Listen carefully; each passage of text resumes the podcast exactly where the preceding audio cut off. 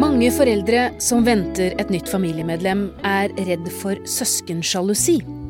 Hvordan påvirker det barn at familien utvides? Hva med nye familiekonstellasjoner? Og kan søskensjalusi vare helt opp i voksen alder? Eller er kanskje ikke søskensjalusi så vanlig som mange tror? Jeg heter Karine Næss Frafjord, og jeg er redaktør i Babyverden. Tema for denne episoden av Babyverden er altså søskensjalusi. Og jeg er på besøk hos barnepsykolog Helge Holgersen på hans kontor på Universitetet i Bergen. Er dette en problemstilling du møter ofte? Eh, det høres gjerne rart ut, det, og vi burde kanskje møte den oftere, men vi møter den svært lite. Ja. Betyr det at den ikke finnes? Eh, kanskje foreldre da i større grad blitt oppmerksom på slike ting, slik at det ikke det den andre, den første barnet blir så særlig glemt. Og kanskje det har noe med at foreldre i stor grad i dag eh, bruker tid på ungene sine. Sånn at det ikke eh, Slik at dette ikke blir så markant som det kanskje ble skrevet og snakket om før. Og så kan det kanskje hende at en del av disse teoriene en har hatt om barns utvikling, denne ideen om sjalusien, at den knytta seg på en måte veldig sterkt til den, de dominerende retninger i barnepsykologien på sånn 60-70-tallet. Ja, Så du sier at vi, vi, var veldig sjalu tidligere, men er det ikke lenger? Ja, en var veldig opptatt av, barnes, av, av sjalusi eh, tidligere i barnepsykologien. Men hvorfor har det endret men, seg, da? Men det syns jeg mye i dag. En har kanskje sett at eh, er det så framtredende liksom, at eh, storesøster vil ta kverken på lillesøster? Liksom? Ja, Det trenger ikke å være så alvorlig, da. Nei, men, men, er det sånn at de da blir eh, Eller er det slik at, at, at de plutselig viser seg og, og på en måte blir da ekstra barnslige og krevende og vanskelige storesøster når lillesøster blir født? Altså sånne ting det at det er, at det er aspekter av ting der, den, der det andre der det, det barna som den førstefødte da eh, på en måte vil, vil vise at jeg òg fins, se på meg, jeg kan gjøre det samme, da. Men jeg tror at i samfunnet generelt så er det blitt lagt opp til en helt annen måte å involvere eh, de andre i familien når nummer to blir født. Det er sånn type familierom på føden der en på en måte det eldste barn og, og pappaen er med og ser på den lille. Eh, det blir snakket mye mer åpent om graviditeter. Der, der den eh, tenkt storesøster da er på en måte med på dette, involvert i det i en helt annen grad enn før. Men Vi har jo et forum på Babyverden eh, ja. hvor veldig mange stiller spørsmål og snakker med hverandre. Ja. Og jeg har jo lest mye der om gravide eh, som har barn fra før, som er så redd for at det eldste barnet skal føle seg tilsidesatt. Ja. Men Så det du egentlig sier, er at det er det ingen grunn til å være redd for? Jo, de, de kan jo selvfølgelig føle seg litt sånn tilsidesatt, men tenker jeg at eh, det er ikke noe farlig med det. Det er jo det, er jo det som kan føle noen og hver av og til. Altså det å føle seg tilsidesatt i verden, for at nå må du vente litt. Det var noe annet som krevde noe her. Eh, det er jo egentlig en helt vanlig følelse. Uh, slik at uh, det å bli vant med at dette, dette bare en del av verden, det er jo ikke noe galt i seg sjøl, tenker jeg. Så, men det kan jo være sånn at, at de da som venter barn, tenker at dette skal være så veldig leit for, det, for den ungen de har. De skal bli så veldig lei seg og nærmest bli skadelidende av det. Og, og det føler seg litt tilsidesatt. Det er ikke noe som, som skader barn, da, tenker jeg. Men det er, jo, det er jo en fin, jeg vil også tro at de som tenker på det, de vil jo ofte da gjøre noe ekstra kjekt med den unge nummer én for å liksom unngå dette. Ja, Hva foreslår du, eller hva anbefaler du at man skal gjøre da? Ja, Noen av de tingene som en gjør, er jo at, at eh, barn nummer én er liksom med og ser på babyen og kler på og snakker om osv. Og hvis en da klarer på en måte å se begge de to små samtidig, så kan jo det oppleves som en fin ting. Eh, noe annet er jo òg å, å, å, faktisk bruke tid på nummer én på ting. Og nummer tre er rett og slett å bare la det, la det være å opptre som vanlig. Det bare si du må bare vente litt, for nå, nå er jeg nødt Nå skal hva, hva skal han for noe? En skal amme den første. Den siste, ja, den siste fødte. Siste, forhåpentligvis. Ja, kan, selvfølgelig, kan selvfølgelig amme de begge to hvis det trengs og ønskes. Men, men, men den tanken om Men jeg syns først og fremst at, at den frykten for at det på noen måte skal være en grusom ting for den førstefødte, den, den tror jeg kan være litt overdrevet. Men hvis vi leser om søskensjalusi eller snakker med andre Ja. om det, så kommer det ofte historier som at uh, treåringen min ble som en baby igjen, ville Ja. bruke bleie, Ja, eller ble, ville gråt mye, eller ikke sant? Altså reagerte på. Hadde en eller annen slags form for reaksjon da, på at det kom et nytt familiemedlem. Ja. Og det tror jeg gjerne er vanlig. sant? At, eh, at eh, den, den før kalte sånn at de De kalte det for regresjon. At, de blir som at, barn, at barna ditt ble liksom barnslig igjen, eller enda mer baby sjøl. Men så tenker jeg at ja ja, de får nå bare være litt det, da. Ok, Ja. så får vi bare takle det. Så går det nok over om en liten stund. For det er jo ikke sånn at, eh, at denne her eh, treåringen som sier at de vil ha up and go-bleie på seg, da kommer til å tisse på seg i barnehagen hele veien, eller ikke vil være med jevnaldrende. Det er jo et like stort driv om å bli stor. Det handler nok like mye om å signalisere til, til foreldrene at jeg òg er her, jeg òg er viktig, jeg òg vil være med på badet, jeg vil bli stelt, eller hva det måtte være de måtte finne på. Men spørsmålet er jo da om å om i stor grad en skal liksom etterkomme sånne ting. En kan jo si at ja, men du, du kan jo alltid ha på den som kan vi leke at du òg er litt baby. Men du trenger ikke gjøre dem til en baby for det. Vi skal snakke mer om dette, men vi skal ta en liten pause først og eh, få noen ord fra vår sponsor. Visste du at tidlig høytlesning, helt fra barnet er nyfødt, pangstarter språklæringen? Barn og babyer som blir lest for, utvikler språk og hjerne på en annen måte enn barn som ikke blir lest for. Godboken er bokklubben som tilbyr barnet ditt riktig bok til riktig tid, som engasjerer og bidrar til språkutviklingen. Se første bokpakke til barnet ditt på godboken.no. Når det gjelder eh, søskensjalusi, så eh, oppstår det kanskje også i nye familier. Der hvor eh, man får en eh, kanskje en eh, Heter det stemor? Bonusmor? Bonusforeldre? Bonussøsken? Ja. Eh, der kan vel sjalusi være ganske reelt. ja, det tror jeg. Jeg tror at eh, en har, jo- en har begynt å kalle dette bonussøsken og bonusmor, eh, også fordi at da, da unngår en liksom dette som er på en måte sånn kulturelt eh, eh, lada med sånne stemor og stesøsken. Det høres jo ikke bra ut. Da er det plutselig litt med sånn Askepott-stil. og dette går ikke bra. Men, men det er jo klart at eh, det er jo ikke sånn at, at eh, hvis to eh, 13-åringer føres sammen bare fordi at foreldrene deres har blitt glad i hverandre, men de har jo aldri bedt om å få en annen 13-årig søster, eller sånne ting, at det nødvendigvis skal være en bonussøster eller bror, det er det jo ikke noen garanti for. Og det syns jeg de må være klar over, de foreldrene, at dette trengs liksom sånn litt sånn tid å gå seg til, og, og, og, og på en måte gi, gi rom for at det ikke de nødvendigvis syns dette er så kjekt. Ja, for Nå hoppet du rett på tenåringene, men hva Ja. med de aller minste, da? Ja, de minste, da. Hvis det kommer da, hva skal vi si, to fireåringer sammen, eller sånne Ja. ting. Så det er jo en sånn type inngripen. Og jeg vil jo tenke at det mange ganger kan være en større prøvelse enn det å få en lillesøster som på en måte er måte, Eller en lillebror som er på vei i magen, som er på en måte en, et annet prosjekt enn som bare kommer fra utsiden. Best en dag så sto liksom eh, Anders der. Fiks, fiks ferdig, Fiks ferdig bror. Og han var klar for å flytte inn sant? og leke med lekene mine og ta plass og få køyseng sammen med meg på rommet.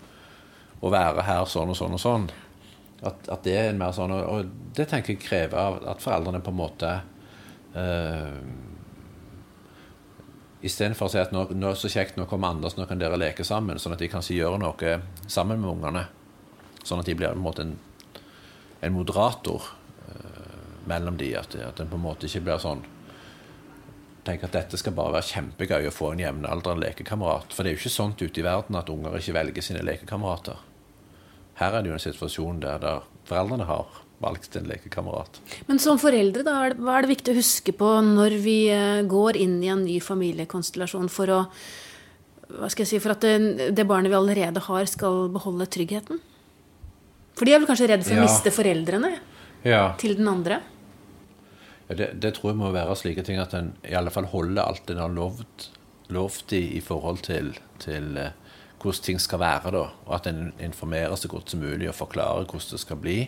Og at en holder seg til det en har lovt unger. Ingenting som er så dumt som at unger skal bli løket for om at, det, om fire dager så kommer pappa, da skal vi gjøre sånn og sånn. Og så kommer ikke pappaen om fire dager.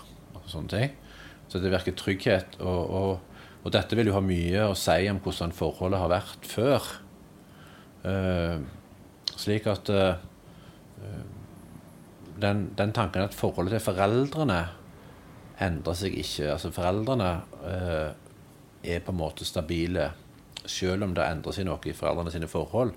Det tror jeg er viktig. Da. Kanskje det ble uklart. Det høres enkelt ut, og det er jo ikke enkelt med sånne ting.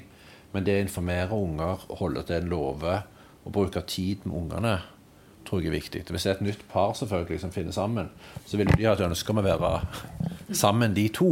Og så kommer noen sånne unger på kjøpet som kanskje krever at de må gå ut og gjøre et eller annet sammen med disse barna.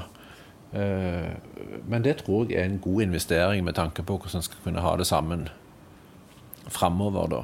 Skal man bruke litt sånn ekstra tid kanskje med sitt biologiske barn, og alenetid? Ja, det, ikke nødvendigvis sammen, alle sammen, alltid? Alltid. Ja, det, det tror jeg sånn generelt i, i, familier så tror jeg det er helt i orden at en ikke er sammen alltid, alle sammen alltid. Det kan godt hende at noen har lyst til å gå på skøyter, og andre vil noe annet. Det er jo i orden. Mm. Men ikke minst i en sånn situasjon, sånn at en føler at For det vi vet jo ikke så mye om dette, sånn, men, men, men, det som jeg, jeg, gjør av og til Jeg møter jo f.eks. tenåringer som forteller om hvordan det var at de følte at de mista pappaen sin den gangen, eller mammaen sin. eller sånn. De har jo ikke gjort det sånn, men det var deres opplevelse var at da var han eller hun bare opptatt av det. Mm. Så hvis en en eller annen måte kan fortelle at eh, vi to skal fremdeles være sammen og ha plass til hverandre, så kan jo det være en god ting. Så det å gjøre noe sammen med de med den biologiske alene, det tror, jeg, det tror, tror jeg må være lurt. Men du er tilbake til denne søskensjalusien, eller ja. om, om, det er eller ikke er.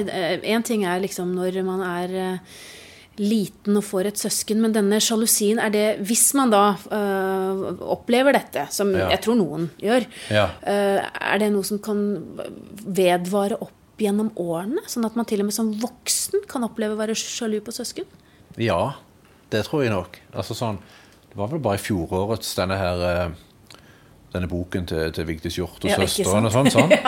uh, så viser jo at det, og, og at, det, at, det, kan komme fram sånne ting til og med når, når, når 60-åringer gjør opp bo etter foreldrene som er døde. Ja, men du, men du var jo alltid favoritten til mamma, sånn, så du har jo fått så mye underveis, du. Mens jeg har ikke fått noen ting. Altså, altså en følelse av at den ene er foretrukken framfor den andre. At foreldrene behandler ulikt og sånne ting. Det er ikke at det har en realitet, men det kan jo ha en realitet noen ganger også. Eh, sånn, sånn er det jo. Foreldre er ikke noe sånn perfekt i forhold til det. Og noen foreldre matcher bedre med et barn. eller sånt. sånn at det, disse her som kunne kalles en sånn sjalusi som begynte i barndommen, kan jo, kan jo vedvare. Eh, men selvfølgelig litt i andre former, da. Men skal man som foreldre, vi som har flere barn, skal vi behandle de helt likt? Nei, men det tenker jeg, det kan en jo ikke gjøre heller, for de er jo ikke like. Og Hvis du tenker du vil hjelpe ungen din, så kan du tenke at uh, du kan ha du kan ha en tenåring som er så ansvarlig som bare det, og du kan gå og, og passe på penger og når de skal komme hjem og alle sånne ting. Og du vet jo det at denne vil jo ringe og sende tekstmeldinger og fortelle hvor de er og hvor de skal hentes, og alt går etter planen. Og da vil jo det være helt naturlig at du trenger ikke være så veldig redd for uh, å si som hvis den ungen sier at den skal på en eller annen fest eller tilstelning og skal ta bussen hjem sjøl, så kan du være ganske sikker på at den ungen gjør det. Men så kan du ha en annen unge som er mye mer sånn utsøkende utover, som ringer hjem og forteller de skal, de skal overnatte hos venninne Hilde. Og så hører du liksom diskomusikken kraftig i bakgrunnen. Da har du en annen unge, så da kan det være en god ting å sette seg i bilen og si at ja, men det er greit, jeg kan, jeg, kan, jeg, kan, jeg kan, hente deg, eller jeg kan ringe moren til Hilde for å høre om det er i orden at du overnatter der. Sant?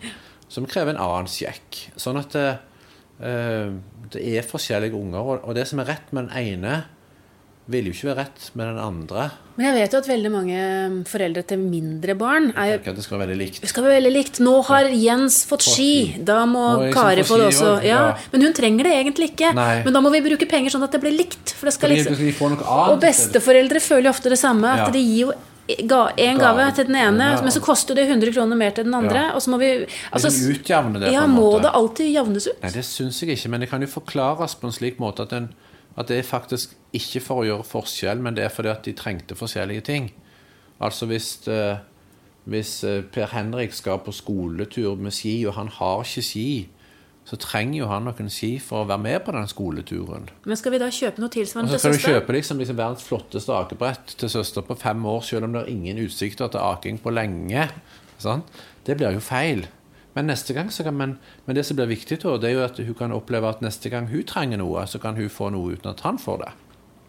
Sånn at det er en sånn For det ville være rart hvis du da hver gang skal da ha en sånn millimeterrettferdighet og jeg tror at det kan gjøre unger litt sånn sårbare òg. For da, da vil de jo på et tidspunkt oppdage at det er jo ikke millimeterrettferdighet her. Det er ikke helt likt.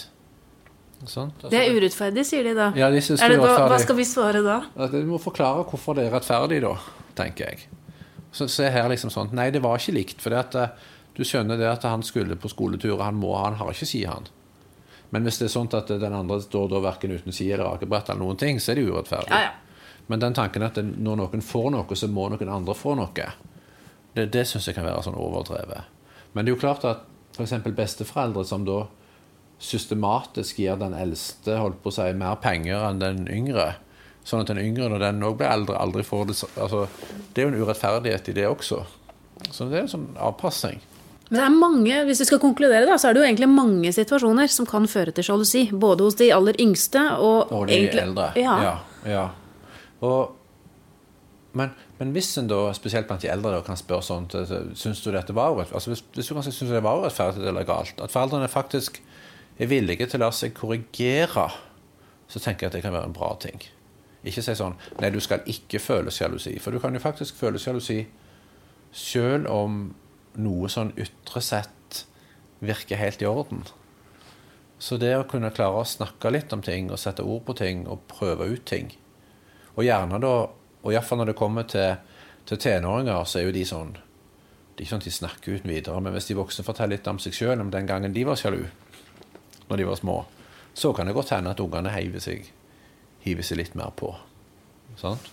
Så, så, så, det å prøve å få satt det litt på begrep, få snakke litt om det, tror jeg kan være, kan være bra. Men jeg tror at det å å gå rundt og være så veldig redd for at noen skal bli sjalu, hvis du tenker at det er en følelse, og tror at den følelsen skal være ødeleggende, det tror jeg er litt dumt. For at i mange tilfeller så går jo dette stort sett veldig greit med de fleste. Og så kan de le litt av det sånn eh, når de blir eldre.